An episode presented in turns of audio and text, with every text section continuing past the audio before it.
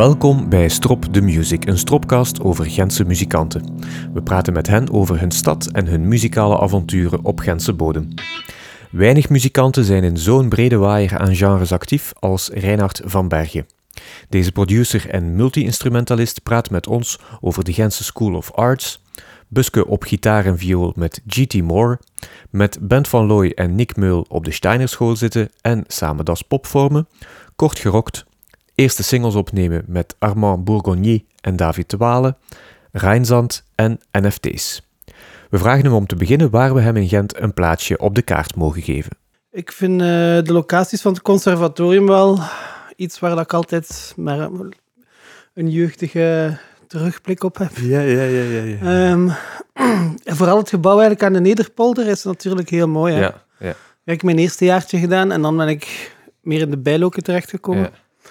Ehm, maar ik vind het heel tof dat dat zo historische gebouwen zijn. Heel anders, want nu zit er ook een gebouw in de Paddenhoek. Ik geef daar les ook ondertussen, al Ja. sinds een Ja. jaar of tien. Ehm, en het is wel... Het is tof dat het zo overal in de stad is. Dus dat je eigenlijk een mooie doorsnede hebt van historische dingen en... eh, ja, zo'n beetje een mooie doorsnede van Gent eigenlijk. Van waar ben je afkomstig? Ik ben van Gent, ja. En waar precies uit Gent? Eh, ik ben geboren hier in Sint-Lucas, Ik, denk ik. Eh, en dan opgegroeid, ehm, eerst Sint-Amansberg, dan een tijdje ehm Destelbergen, en dan, maar wel altijd naar Gent Ja. naar school geweest. Ehm, en dan terug naar Gent komen wonen als ik 18 was. Zo aan Sint-Amansberg, Distelbergen, een oude muzikale herinnering uit die periode? Goh, mijn, mijn leven was echt in Gent. Ja. Dus eh, Ja. eigenlijk ja, niet zoveel grote herinneringen in de... Ja. Ik denk mijn eerste jaartje notenleren of zo was misschien in de Ja. dorpsschool in Destelbergen, maar voor de rest was alles in Gent. Dus. Ik hoor muziekschool, al op hele jonge leeftijd. Oh ja, zo de gewone, ja, Ja. was het eh, negen jaar zeker. Hè? Zo Mhm. de, eigenlijk kun je notenleer pas doen op een bepaalde leeftijd. Ik zal Ja. u de technische uitleg geven. Op een bepaald moment kun je als kind eh, breuken aan. Mhm. En een, no- een notenschrift is eigenlijk een breuk, hè, een tweede noot, een vierde noot. Ja.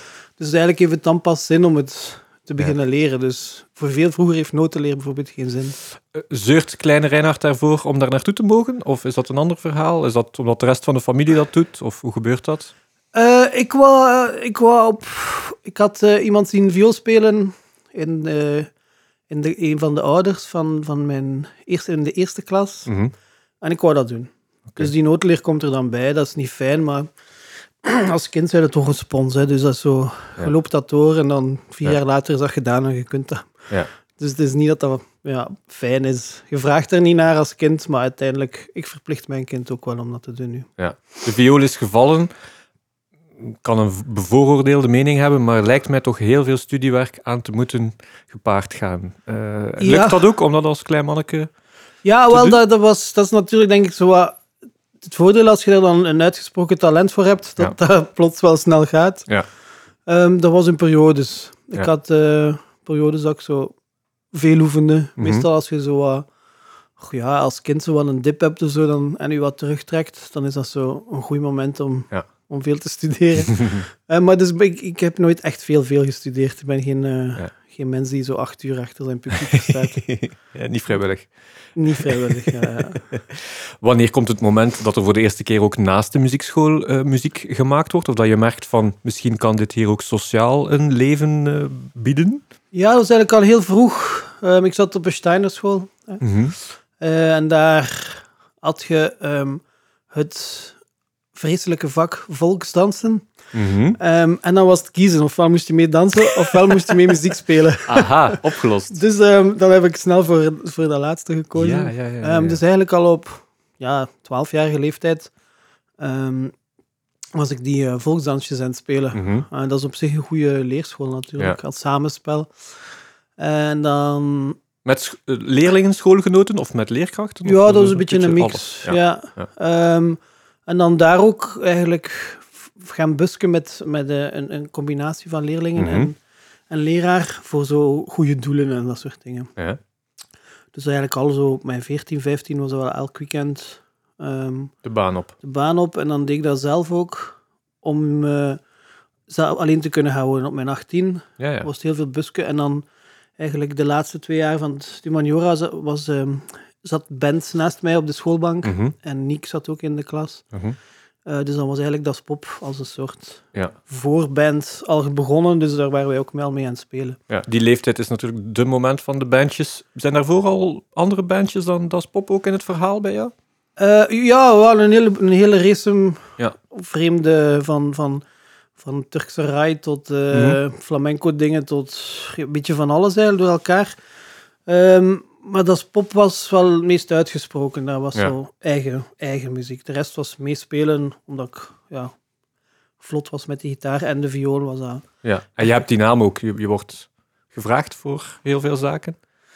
Ehm, dat is dan een periode veel minder geweest natuurlijk, Ja, omdat we heel ja, veel ja, in het ja. buitenland hebben gezeten. Maar ik, mijn eerste productie was bijvoorbeeld wel een eh, flamenco-productie. Ik Ja. heb wel al wat Gypsy van Vaars gedaan en wat metal ook, wat pop, rock, eigenlijk alles door elkaar wel. Gewoon omdat ik dat heel fijn vind ook wel. Ja. Dus, ehm, Is Gent dan ook de ideale plek om al die mixen eh, te vinden? En, en... je vindt dat overal wel, denk Ja. ik. Ehm, Gent is er geen uitzondering in. Ik denk het voordeel van Gent is dat, dat iedereen wel echt iedereen kent. Ja. Dus je hebt wel heel rap connecties. Mhm. Of wat dan een voordeel is, dat, dat is soms is ja. dat geen groot voordeel. Ja. Ehm, maar eh, ja, dat, dat, ik denk dat het leuk is dat je dan direct wel je collega's kent en dat je Ja. rapper in contact komt met andere genres. Ja. Terwijl in Brussel heb je meer zo een jazz scene, een, eh, een eh, wereldmuziek scene. Mhm. En die zijn niet altijd gelinkt aan elkaar. Omdat Ja. het zo groot is, zijn dat wel echt zo aparte circuits een beetje. Ja, ja, ja. Ik ga terug naar die puberteit. Vliegt die viool van de schouder voor de gitaar? Of blijft die viool toch ook in die jaren in het verhaal? Ja, ja die, die viool was... Dat, ja, ik was zo'n beetje een half, eh, half wonderkind, want ik studeerde niet. Moest ik al gestudeerd hebben, was dat wel misschien geweest. maar dus ik kon dat heel goed. Dus dat was wel easy money, zeg maar. Als je ging busken en met een hoed rond, Ja. dan ik kon daar effectief mijn kot mee betalen de eerste jaren. En die gitaar is natuurlijk veel cooler dan zo'n viool. Dat is, eh, dus dat, dat is letterlijk... Ja, op mijn 14 ben ik dan Toch? Ja, ja. en met die gitaar begonnen. Ja. En bij dat poppen werd het dan hoofdzakelijk. Ja. Ehm, dat was toen nog Things to Come. En dan eh, dat pop was dan vanaf. Ik weet niet meer precies. We hebben dat ingediend en dan hebben we onze, bij de Rock Rally en dan onze naam ook veranderd. We zitten natuurlijk aan de leeftijdscategorie dat er dan ook naar de hogere studies moet gegaan worden. Is het meteen duidelijk dat dat muziek moet en zal zijn? Ja, eigenlijk wel. Mhm. Ehm, nog even getwijfeld over wat andere dingen, maar meer uit puberale. Zoals? ik, ik, ik beeldhouden wel heel graag. Mhm. Ehm, dat was het eigenlijk. Ik denk misschien dat dat nog zo even op tafel heeft gelegen. Ehm, maar het was een beetje... Het was be. wel duidelijk, ja, denk Ja, ik. ja. Ja. Je maakt daar geen evidente keuze, want je gaat met de viool wel degelijk naar het conservatorium, maar in de jazzafdeling. Wel, dus eerste jaar klassiek heb ik Toch, gedaan. eerste jaar klassiek. Ja. Ja, ja, ja, ja. Eh, maar dat was echt mijn ding niet. Ehm, Mhm. Een beetje omwille van... Ja, dus nu geef ik, ik geef ook les in de productieafdeling. Mhm, En aan jazz en aan pop. mhm. En ik leg dat altijd zo wel uit. Dus klassiek is eigenlijk echt een, een studie om te interpreteren. Ja. Ehm, en productie is echt een studie om te creëren. Ja. En dan jazz echt voor te improviseren. Ehm, en het is vooral die creatie die mij heel hard interesseerde. Ja. Maar toen bestond dat nog allemaal niet. Mhm. Eh, er was geen productie, er was geen pop. Ja. Ehm, dus het was of klassiek of jazz dat juist in zijn beginjaren zat. Mhm. Ehm, dus dan heb ik daarvoor gekozen. Bij dat busken moet ik me dat echt voorstellen als improviseren? Op dat moment ook? Ja, de- volop. Ja, eigenlijk een beetje van alles. Ja. Er waren soms ja, een beetje afhankelijk met wie dat ik dat deed. Ja. Ehm, ik had toen ook een, eh een buskgroep met een, eh, een eh, oude Engelsman, G.T. Moore, en. Mhm. mijn, ondertussen mijn schoonbroer al vele jaren, Benito Blankaart. dat waren twee generaties. Ja. Eh, dus Benito is 15 jaar ouder en GT was 30, is 30 jaar ouder. Ehm, er was heel veel Irish en Ja. reggae en dat soort dingen. Mhm. En dan met als pop gingen we ook soms wat busken. Ja. Ehm, helemaal in de beginjaren, voordat het als pop was. Ehm, en dan soms gewoon met mensen, gelijk met de Jeroen eh, de Pessemir Mhm. eh, van, ehm Boltje? van Boltje in der Mhm. tijd bijvoorbeeld. Hè, als wij een avond vrij hadden en we hadden wat centjes nodig, dan trokken wij erop uit, bij wijze van spreken. ja. En dan eh, het, het, de muziek paste zich aan aan de mogelijkheden van, van de Ja. begeleiding, zeg maar. Want Ja. met een viool kunnen niet zoveel sturen. Je kunt Mhm. eigenlijk alleen maar melodieën spelen, zeg maar, grotendeels. Is creëren daar ook al een van je muzikale activiteiten? Of is het meer dat improviseren? Het was vooral improviseren, Ja. denk ik, veel. Ehm, ja, al redelijk vroeg beginnen schrijven wel, maar eh, dat was dan binnen das pop dan vooral. Ja, ja toch Ja. daar al. En dan, dan mijn eerste productieke was ik 22. Dat was op het eind van mijn conservatoriumstudies. Dus dan werd dat belangrijker. Mhm. Ja. Zo. Dus je gaat na één jaartje klassiek een andere keuze maken? Ja. Toch niet evident, want ik weet niet of er in elk conservatorium dan voor de viool een, een jazzleerkracht ter beschikking is. Ehm, ah, wel al sinds, ehm, sinds ik afgestudeerd ben, al niet meer eigenlijk. Dus Ja, de, ja, ja. de violisten volgen nu allemaal les bij saxofonisten. Oh. Ehm, omdat er te weinig zijn. Ja. en ook omdat in mijn laatste jaar conservatorium is mijn leraar overleden. Die is, heeft een accident gehad, Jean-Pierre Catoul. Dat was zo een van de grote Mhm. sterren van België, zeg maar. Ehm, en er, is, er zijn niet echt veel uitgesproken mensen die, zo, ehm, die daar echt heel bewust mee bezig zijn, met bebop en dat soort dingen. Dus Ja. ehm, een beetje omwille daarvan ook, dat hij daar was, ben ik wel, heb ik die keuze gemaakt. Ja. Hoe valt het voor jou mee om, om dan toch dat vrije van die muziek en dat vrije van het improviseren academisch te moeten gaan bekijken? Lukt dat of, of wringt dat wel een beetje? Goh, dat is eigenlijk zo, ik denk altijd de eeuwige, de eeuwige discussie. Hè, Mhm. waar, dat, waar dat kennis u misschien gaat tegenhouden in uw naturel of zo. Ik denk dat het altijd, dat altijd goed is om, om veel bij te leren. Onderbouwd te, te zijn. Ehm, ja. En dat je dat gewoon doorgedreven moet doen, zodat je, dat je, Mhm. dat je die naturel er terug in kan bouwen. Ehm, ik zit nu niet met, de, met een akkoordenschema te componeren en, en met mijn tijd.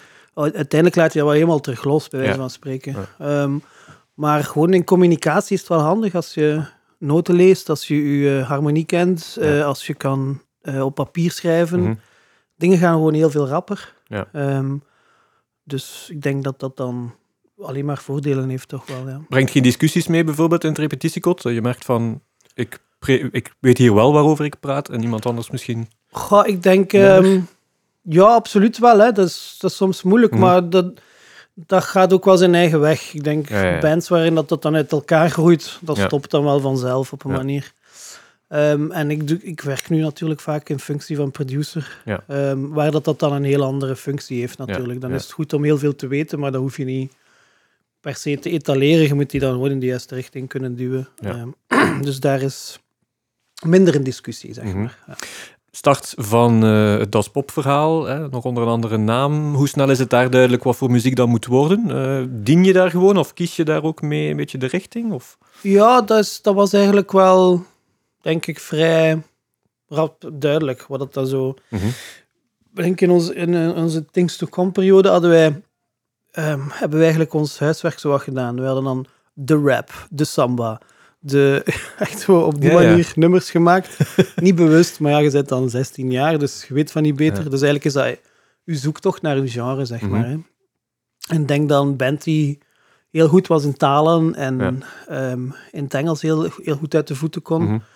leidt u dan vanzelf wel naar die Britpop dingen eigenlijk. Zeg. Dus eigenlijk zijn we daar zo wel wat begonnen. En dan werd het wel duidelijk dat wij daar ons dingen vonden, ja. Leer je van elkaar ook eh, muziekjes kennen die je niet vrijwillig op de platendraaier legde of zo?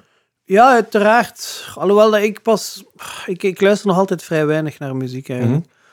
Ehm, ik ben heel tijd bezig met muziek. Dus er wordt geluisterd als, ehm, als referentie, als mensen iets aanbrengen. Ehm, dus ik, het is niet dat ik begonnen ben in mijn jeugd met dag en nacht muziek op te leggen. Mhm. Ik denk dat ik eh, vier platen had tot als ik dertig was of zo. Ehm, en dat was dan zo voor een dooi momentje of zo. Ehm, Ja. ja, sommige mensen verklaren mij nog altijd gek als ik dan Mhm. zo televisie opzette voor muziek of zo. ehm. Maar dus bij mijn test staat er ook nooit muziek op. Ja. dus eh, de, niet, niet de gewoonte om 's ochtends radio aan... Hoe kijk je dan naar bijvoorbeeld, hè, je bent aan het busken, je ziet een uitbundige menigte die begint te dansen op muziek. Hoe kijk je daar dan naar? Is- Of is die beleving anders dan de passieve muziekbeleving? Vind je het, mm, een, een optreden eerder een actieve beleving ook voor een luisteraar? Ja, absoluut. Het is wel helemaal iets anders. Ja, vind ja, ik, hè. ja, Ja, je hebt eh, zoveel meer indrukken. Ja. Ehm, Maar anderzijds ga je naar de productiekant dan toch heel sterk ook naar opnames, naar het vastleggen van gaan. ja, maar dat is ook een, een, een doe-ding eigenlijk. Hè. Je Ja. moet echt gaan zoeken naar een snare-sound, naar een galm die gebruikt is. Ja, Of, ehm, dus je zit daar heel veel mee bezig. Ja. Dus eigenlijk is er gewoon geen tijd om veel te luisteren. ja.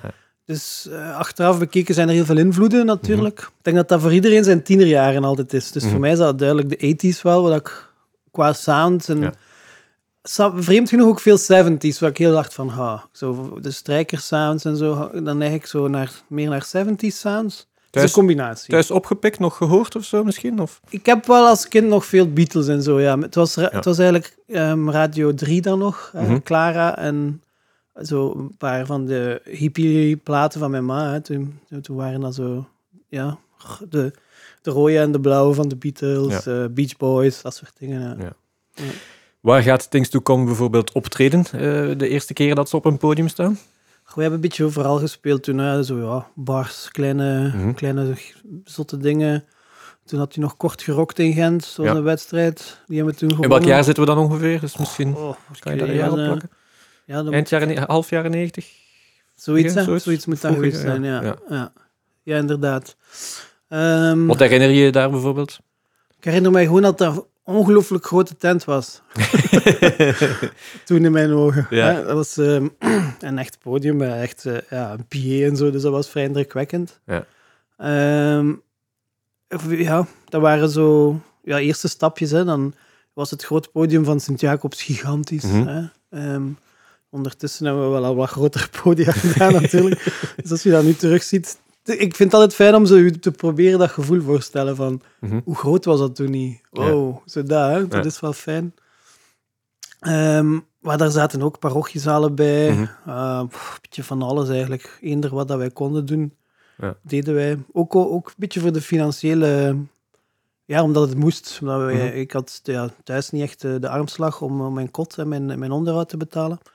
Dus er moest wel elk weekend gespeeld worden, heel eenvoudig. Ja. Ja. dus, eh, Wanneer eh, begin je te merken of te voelen dat het, dat het eh, met Things to Come, Das Pop, eh, wel eens heel snel zou kunnen beginnen gaan? Maar met dat pop was dat de Rock Rally, hè. Ja. dan de Rock Rally gewonnen en dan, dat was toen eigenlijk een beetje gelijk de nieuwe lichting nu. Mhm.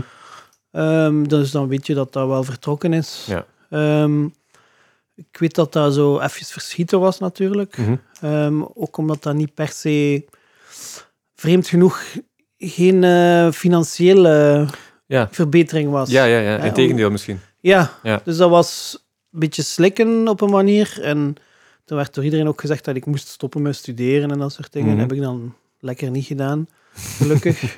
Ehm, ik heb eh, altijd gezegd van, kijk, als, als het echt niet meer gaat, dan zal ik daarmee stoppen. Maar ehm, iedereen was uiteindelijk toch bereid om, eh, om een examen een keer te verleggen of zo, dergelijke Ja, ja. dingen. Ehm, Er wordt veel van je verwacht, dat je op veel plaatsen bent en om niet altijd, niet altijd betaald te worden. Ja, goh, dat heeft echt tien jaar geduurd tegen dat wij ons eigen een klein loontje hebben kunnen uitbetalen. Omdat die... eh, eigenlijk is dat een beetje een, pro- eh, een piramidespel, die Mhm. muziekindustrie, eigenlijk. Hè? Dus ehm, als je verder wil geraken, moet je blijven hetgeen je verdient terug investeren. Ja. Waardoor dat je eigenlijk nooit je echt fel verbetert, zeg Ja. maar. Dus ehm, dat was wel een beetje een fight, natuurlijk. Mhm. Ehm, Jullie gaan voor die eerste single, komen jullie bij, bij David de Walen terecht? Eh, nee? inderdaad. allereerste- Ja. Toevallig, niet toevallig? eh? De allereerste was bij ehm, Armand Ah, van eh, Bourgogne. ja, ja, ja. Van, Milk the? Bishop Milk the. Bishop, Ja, ja, Dus die heeft de eerste single geproduceerd. Ah, zalig. Ja. En dan de tweede was bij David. Ah, oké. Ja. Ja. Ja, Eh, de tweede en de derde dan ook, heeft hij ook gedaan. Is, is dat uit praktische overwegingen? Is er minder budget? Moet dat in Gent gebeuren? Hoe, waarvan waar die keuze? Of zijn er toch al opties om... om... God, dat was echt wel omdat we daar eh, naar opkeken. Ja. En, Ja. ehm, wij zaten toen ook bij Pias in de beginjaren, Mhm. de eerste plaat en de eerste singles. Ja. Dus ja, zat daar ook. Dus dat was een, zowel een, een handige keuze als ehm, ja, ook wel een, eh, een, een artistieke keuze. Ja, ja, ja. Ja. Begin jij daar al, eh, of is dat al vroeger, begin jij daar de eerste keer in de studio's te kijken van, Ola, wat is dat hier? Wat gebeurt er hier? Ja, natuurlijk. Als eh, zo de oude methode, waar nog ook veel, veel tijd was. Hè. Mhm. Je kon nog een maand naar de studio. eh, Ja. En er werd nog een maand gemixt, wat dat insane is nu eigenlijk. Hè. Ja. Dat is niet meer, niet meer denkbaar. Goh, het is ook vooral... ehm, je, je had de, de Playstation staan, ehm, met dan nog Tekken 2, denk ik. Zo. Ehm, en voor de rest niet, niet veel te beleven. Ja. En de ICP had je nog een, een, een biljarttafel staan, Ja. maar voor de rest is dat echt zeeën van tijd die je moet houden. Dus je kan dan maar beter opletten wat er gebeurt. Ja, dus eigenlijk op die manier. Mhm. En somehow bleef dat kleven. Dus ik moest dat maar één keer zien en dan wist ik, oké, dat werkt zo, dat werkt Ja. zo. Eh, plus je zit daar natuurlijk ook in een live verhaal, waar je veel in contact bent met mixers, Mhm. eh, met monitormixers, waar je echt heel gedetailleerd gaat werken op sounds, Ja. live, eh, zowel voor de front of house als op podium, je Mhm. eigen gitaarsounds enzovoort. Ehm, dus ja, eigenlijk zo op die manier daar een beetje ingerold. Ja. Jullie zijn er wel met meerdere in de band mee bezig of in geïnteresseerd, lijkt mij toch zo? Ja, Nick, Nick was dat eigenlijk ook wel Ja. altijd mee bezig. Ja. Ja. Dus met twee waren wij daar, ja, zeg maar, eh, somehow voor getalenteerd of zo. Ja. Of dat bleef plakken. Hè. Laat Ik stel mij dan voor, het- brengt dat dan geen moeilijkheden met zich mee? Dat je Nee, in tegendeel. keuzes aan ik. iemand anders moet laten? Of, of mag je daarmee in beslissen? Mee in... Nee, nee, dat was eigenlijk, ik denk, eh, heel natuurlijk. Toch? Eh, we hebben dan eh, daarna ook veel producties nog met twee gedaan. Ja. Zelfs nog met drie, Ja. als zelfs pop dan. Ja.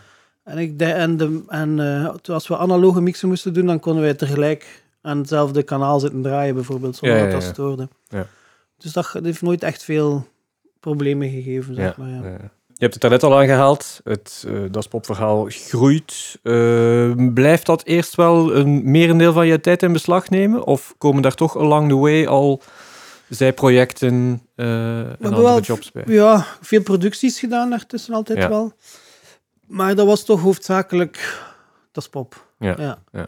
Uh, ook omdat dat soms wel grote peri- we hebben lange periodes waren dat je gewoon van huis bent. Ja. En dan, uh, dan kun je gewoon niet veel anders erbij pakken. Ja. Ehm, denk in 2008 of zo hebben we een nieuw UK-deal getekend. Mhm. Dan hebben wij twee, drie keer zo Engeland rondgespeeld, Ja. Japan. eh, ons laatste album gaan oppakken in de States. Eh, redelijk, ja, gewoon redelijk veel weg eigenlijk. Dus ehm, dan, ehm, ik, ik, ik probeerde daar nog producties tussen te steken. Mhm. En dat is nog wel redelijk gelukt, af en toe. Maar dus, ehm onze hoofdbezigheid was heel duidelijk. Dat is pop, ja. Ja. Is Japan zo wat het verste dat jullie letterlijk aan de andere kant van de wereld geraakt zijn? Of? Goh, we hebben ook nog, eh ja, Nieuw eh dinges, niet Nieuw-Zeeland, maar eh, Zuid-Afrika bijvoorbeeld wel Ja. gedaan. Ehm, Moskou ook nog. Mhm. Ik denk de, de meest crazy trip die ik me herinner was letterlijk van New York naar Moskou. Dat was een heel grappig, want we moesten toen twee paspoorten hebben, om, omdat je als met een stempel van, Mooi. van de US niet binnen geraakte in Moskou. Ehm, helemaal de, de, boven de Noordpoolcirkel in, in, in Zweden hebben we nog gezeten. Ehm, ja, zo, ik denk, ja. Eh, Australië en Nieuw-Zeeland niet, maar dus de rest wel. Ik kan me voorstellen dat je misschien als iets te snel startende groeiende band wel eens ergens terechtkomt waar je je afvraagt waar zijn we nu terechtgekomen? Wat is het vreemdste of het meest misplaatste waar je ooit bent terechtgekomen? Ja, dat zijn er massa's natuurlijk. dus, eh, een aaneenschakeling van zo'n momenten, denk ik. What comes to mind? Ga, ehm, ja, ik denk. we hebben zo ooit eens op een, een rooftop gestaan in Cannes. Dat was heel bevreemdend. En dan staat je daar zo met je. je, je, eh, je ehm, ik zeg nu. Britpop-kapseltjes en gitaartjes bij een totaal coked-up film-audience publiek. Met cocktailtjes in de hand en dan moet je zo beginnen rocken. Pff, Dat soort dingen vaak tegengekomen natuurlijk. Ehm, misschien ooit ook op, ja, na een optreden in Spanje zijn we een keer op een, om, een bewoond eiland terechtgekomen. Mochten daar dan een paar dagen blijven. Maar daar waren echt vier huizen en dat was heel scary. dus dan heb je wel zoiets Los. van, help, ik wil naar huis.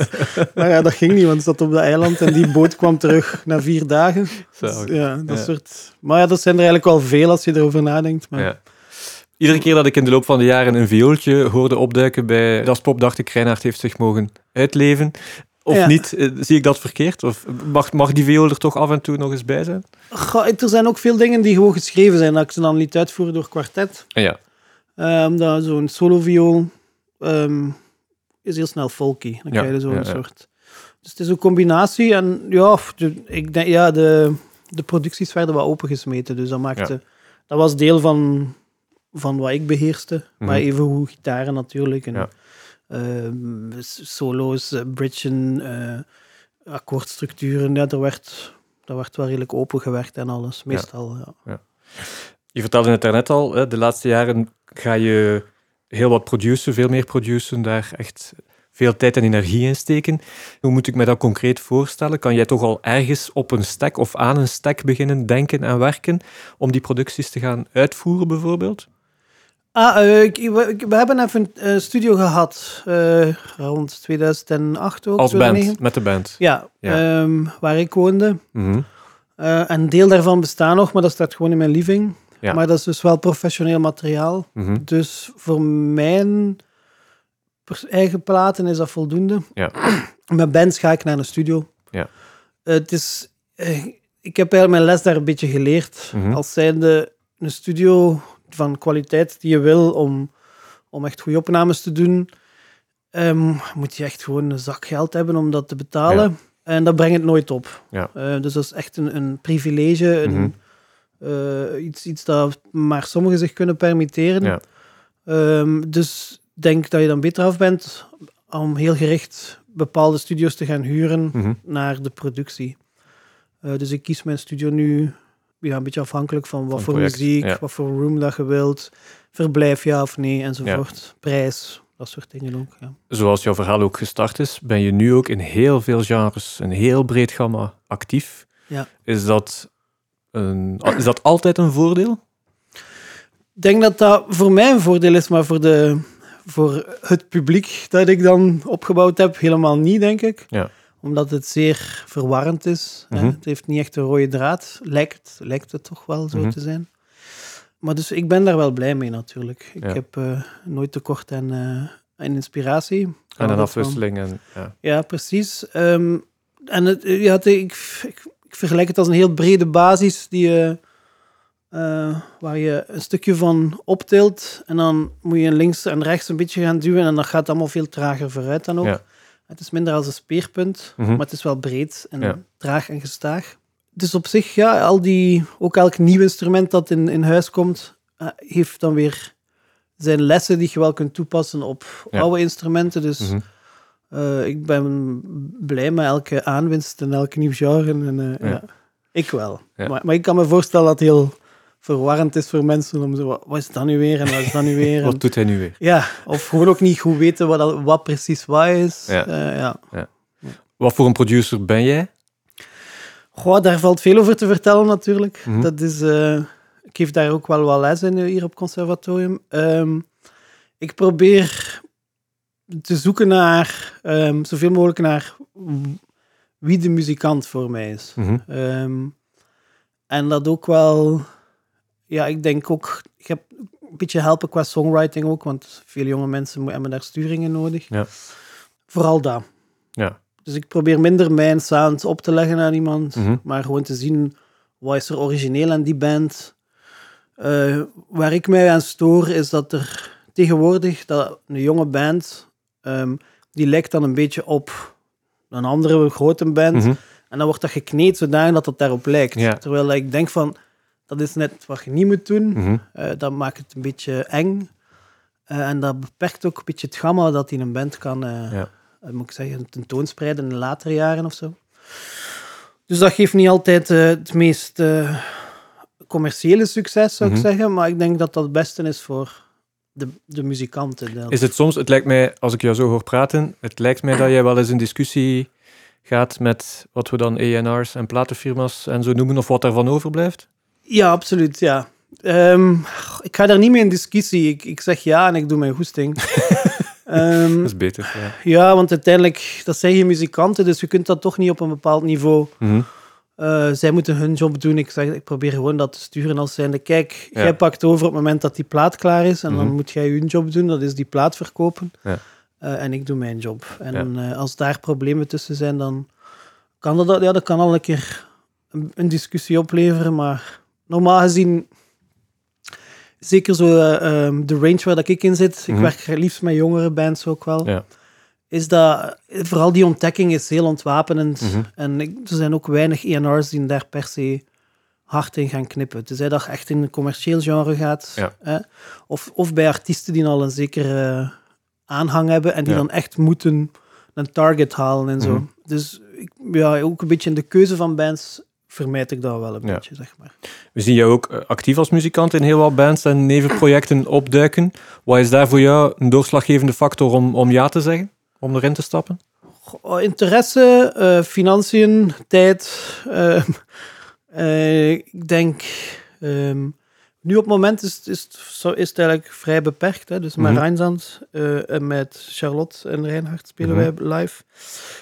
En met Hercules en Love Affair doen wij, ik en Charlotte doen zo wat de backing band. Ja. Doen wij zo wat Europa en misschien ook ehm, Zuid-Amerika op het eind- eh, in het voorjaar ergens. Mhm.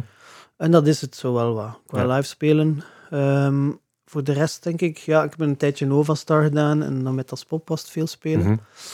Ehm, maar dat dient zich zo wat aan en dan hangt het er wat vanaf wat dat er gaande is. Eh, Het lijkt mij wel dat je daar gevraagd wordt voor jouw, toch wel jouw eigenheid, voor jou, toch wel je goesting te doen of, of jouw interpretatie daarvan te brengen.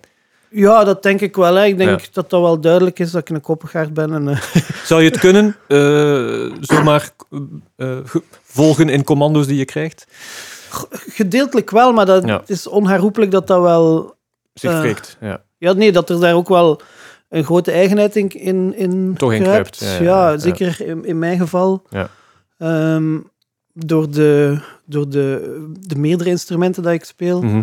Ehm, dat is een troef, dus dat zou vreemd zijn als ze mij vragen en dat dat niet uitspelen, denk Ja. ik. Hè. Nee, Dus, klopt. ja. Je begint zelfs muziek te schrijven, of je hebt al muziek geschreven ook voor film en tv. Ja, ja. Hoe kom je daarin terecht?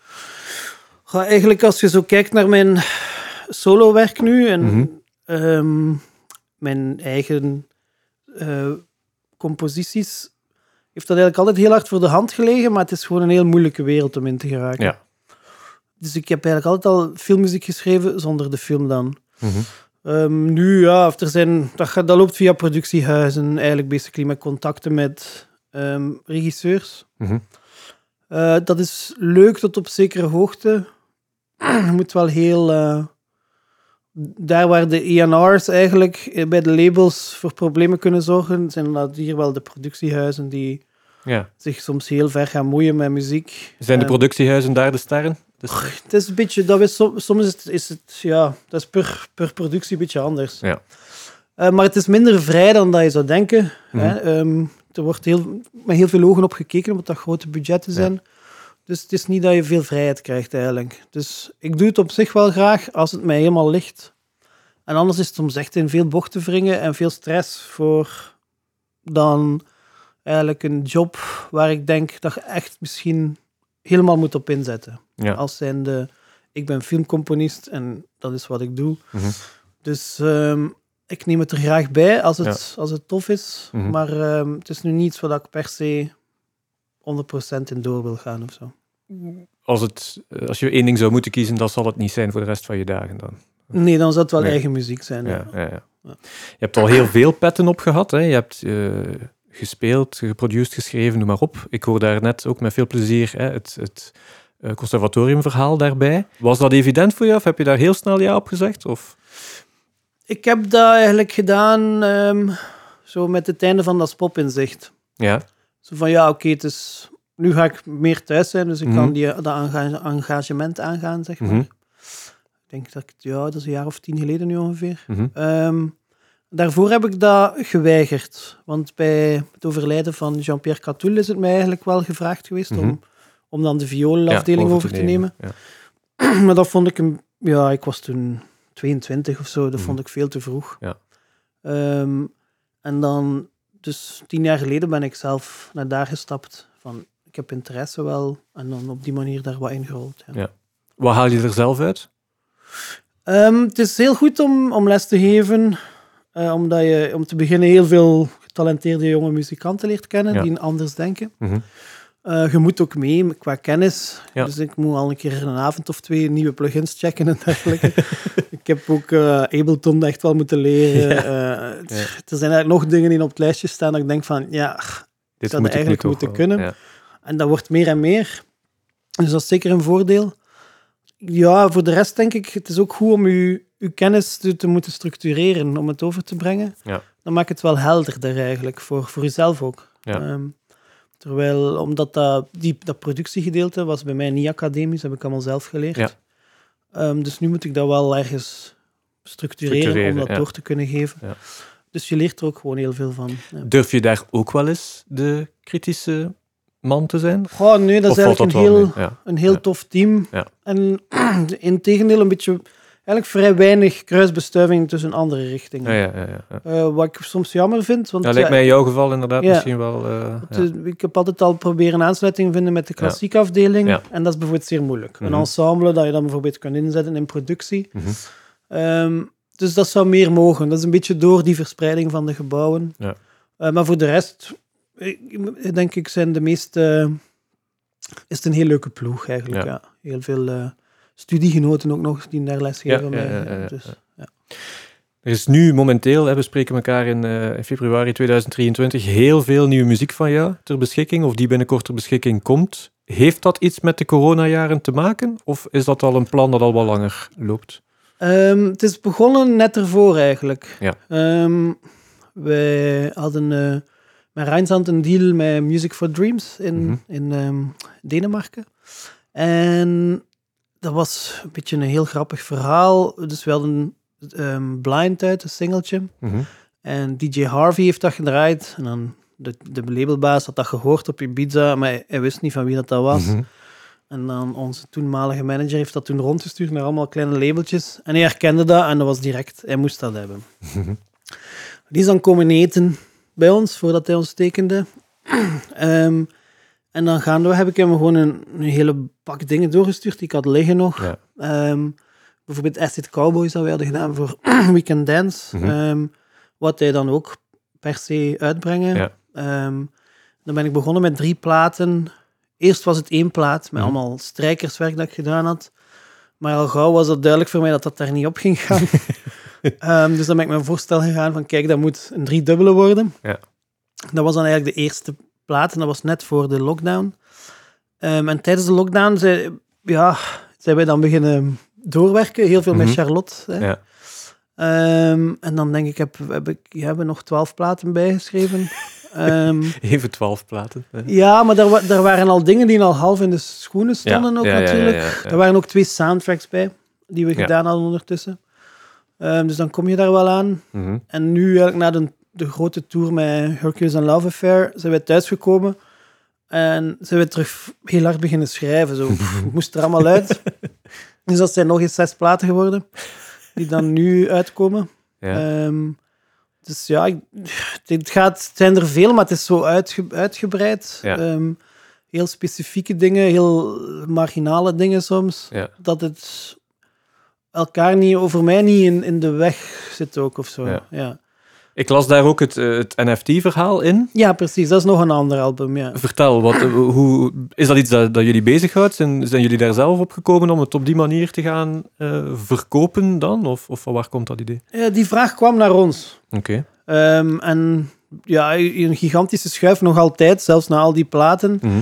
Met Zat nummers. er nog iets? Ja, er zaten nog wel wat platen in de schuif. Maar die waren echt zo al, al wat oud aan het worden, als zijnde sommige van tien jaar geleden. Ja. Ehm, dus toen dat wij die vraag kregen, dachten we van ja, dat zou nog wel leuk zijn om daar Mhm. zo het verleden mee af te ronden. Ja. Eh, nou, zeker eh, gezien het gegeven van de NFT, zoiets heel toekomstgericht, Ja.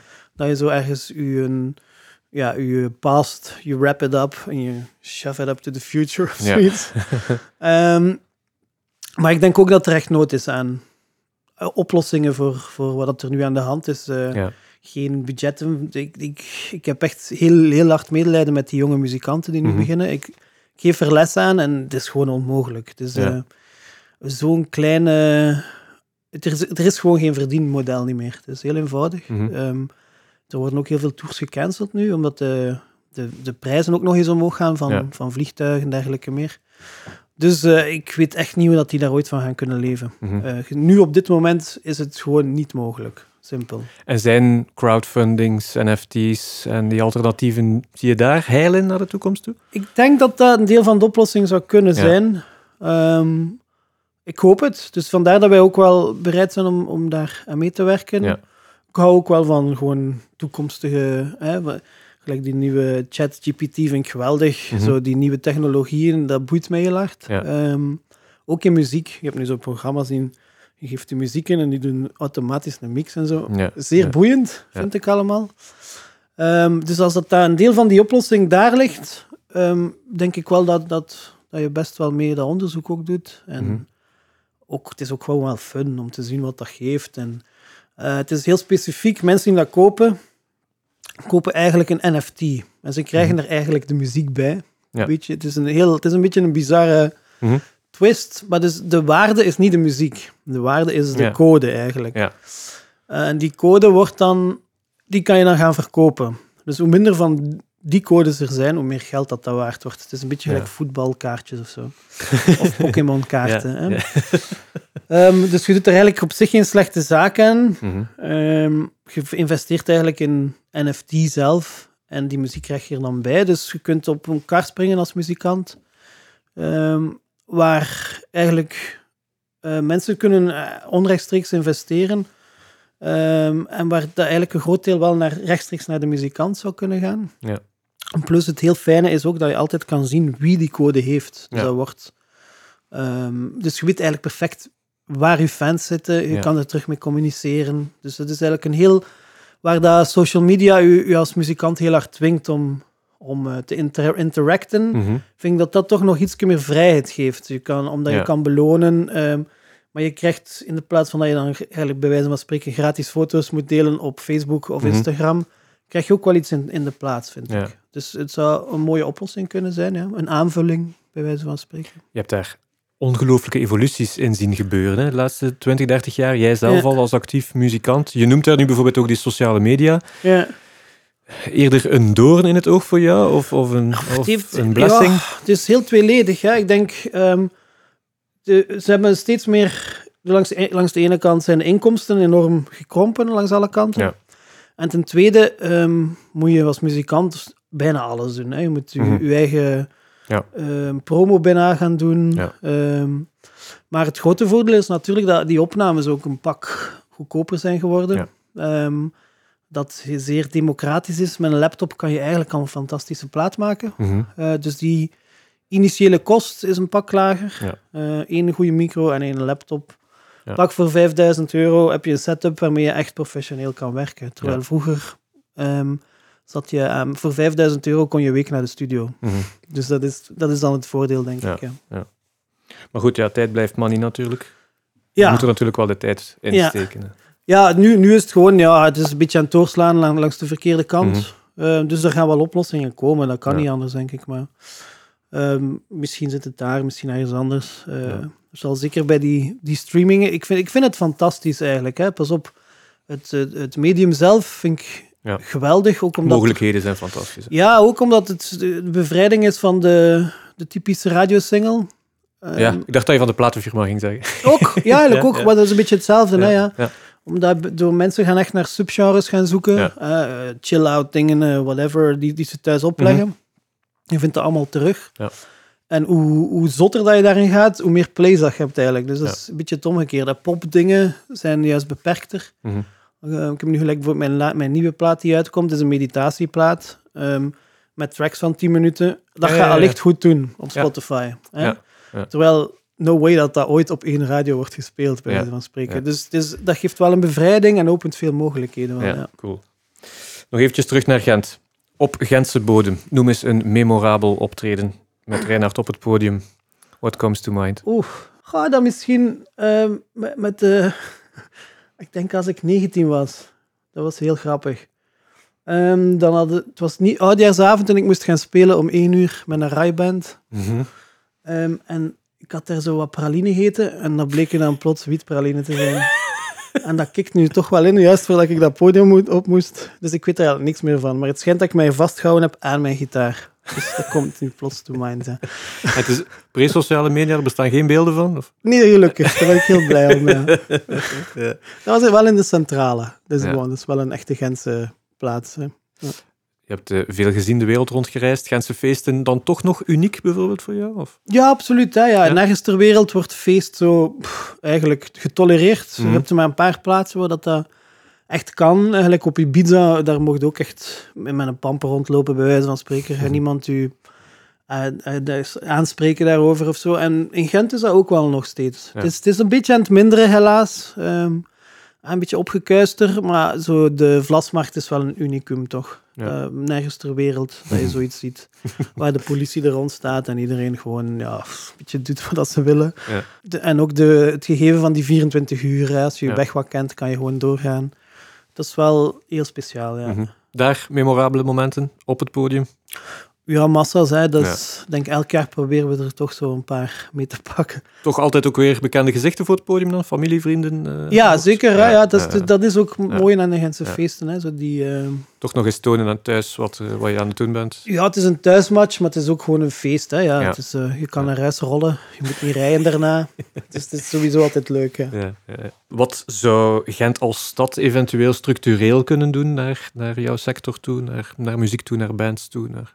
Ik denk dat dat, dat wel al gebeurt, dat er Mhm. wel veel gebeurt. Ehm, je hebt hier ook een paar heel goede organisaties die eh, ehm, dingen gelijk eh, Demo Crazy, die ook, ook wel Ja. echt hun best doen om, om minder grote dingen eh, een plaats te geven. Het probleem zit hem internationaal. Eigenlijk bij die streamingsdingen, juist omdat dat zo internationaal is, is, is daar heel weinig vat op.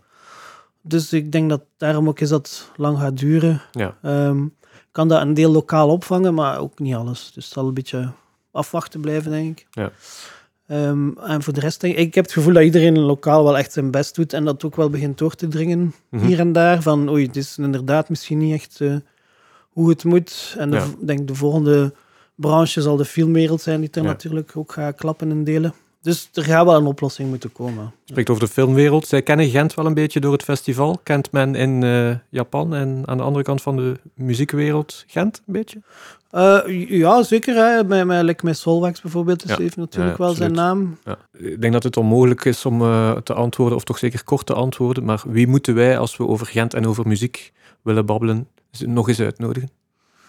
Ah ja. Ehm, Of een originele keuze, waar we misschien nog niet aan dachten. Ja. Je hebt heel veel eh, van mijn ex-studenten die heel goed bezig zijn. Ja. Eh, die, nieuwe, die net een nieuwe lichting gewonnen, Majorga vind ik een, Ja. een, eh, een, ja, ja. een heel tof, tof, tof eh, madame. Daar zitten drie ex-studenten van mij in. Ja, misschien, dat- zij verdienen dat wel, vind ik. Ja. Zalig. Wat moet ik hen vragen? Ehm, Of je een strenge docent veel- was? Nee, dat hoeft niet. Heel veel technische dingen over gitaarpedalen, denk ik. Moet wel nog mensen moeten wel nog luisteren, natuurlijk. Ja. Ik zou toch vragen, toch vragen. Super. Reinhard van Berg, dank u wel. Graag gedaan.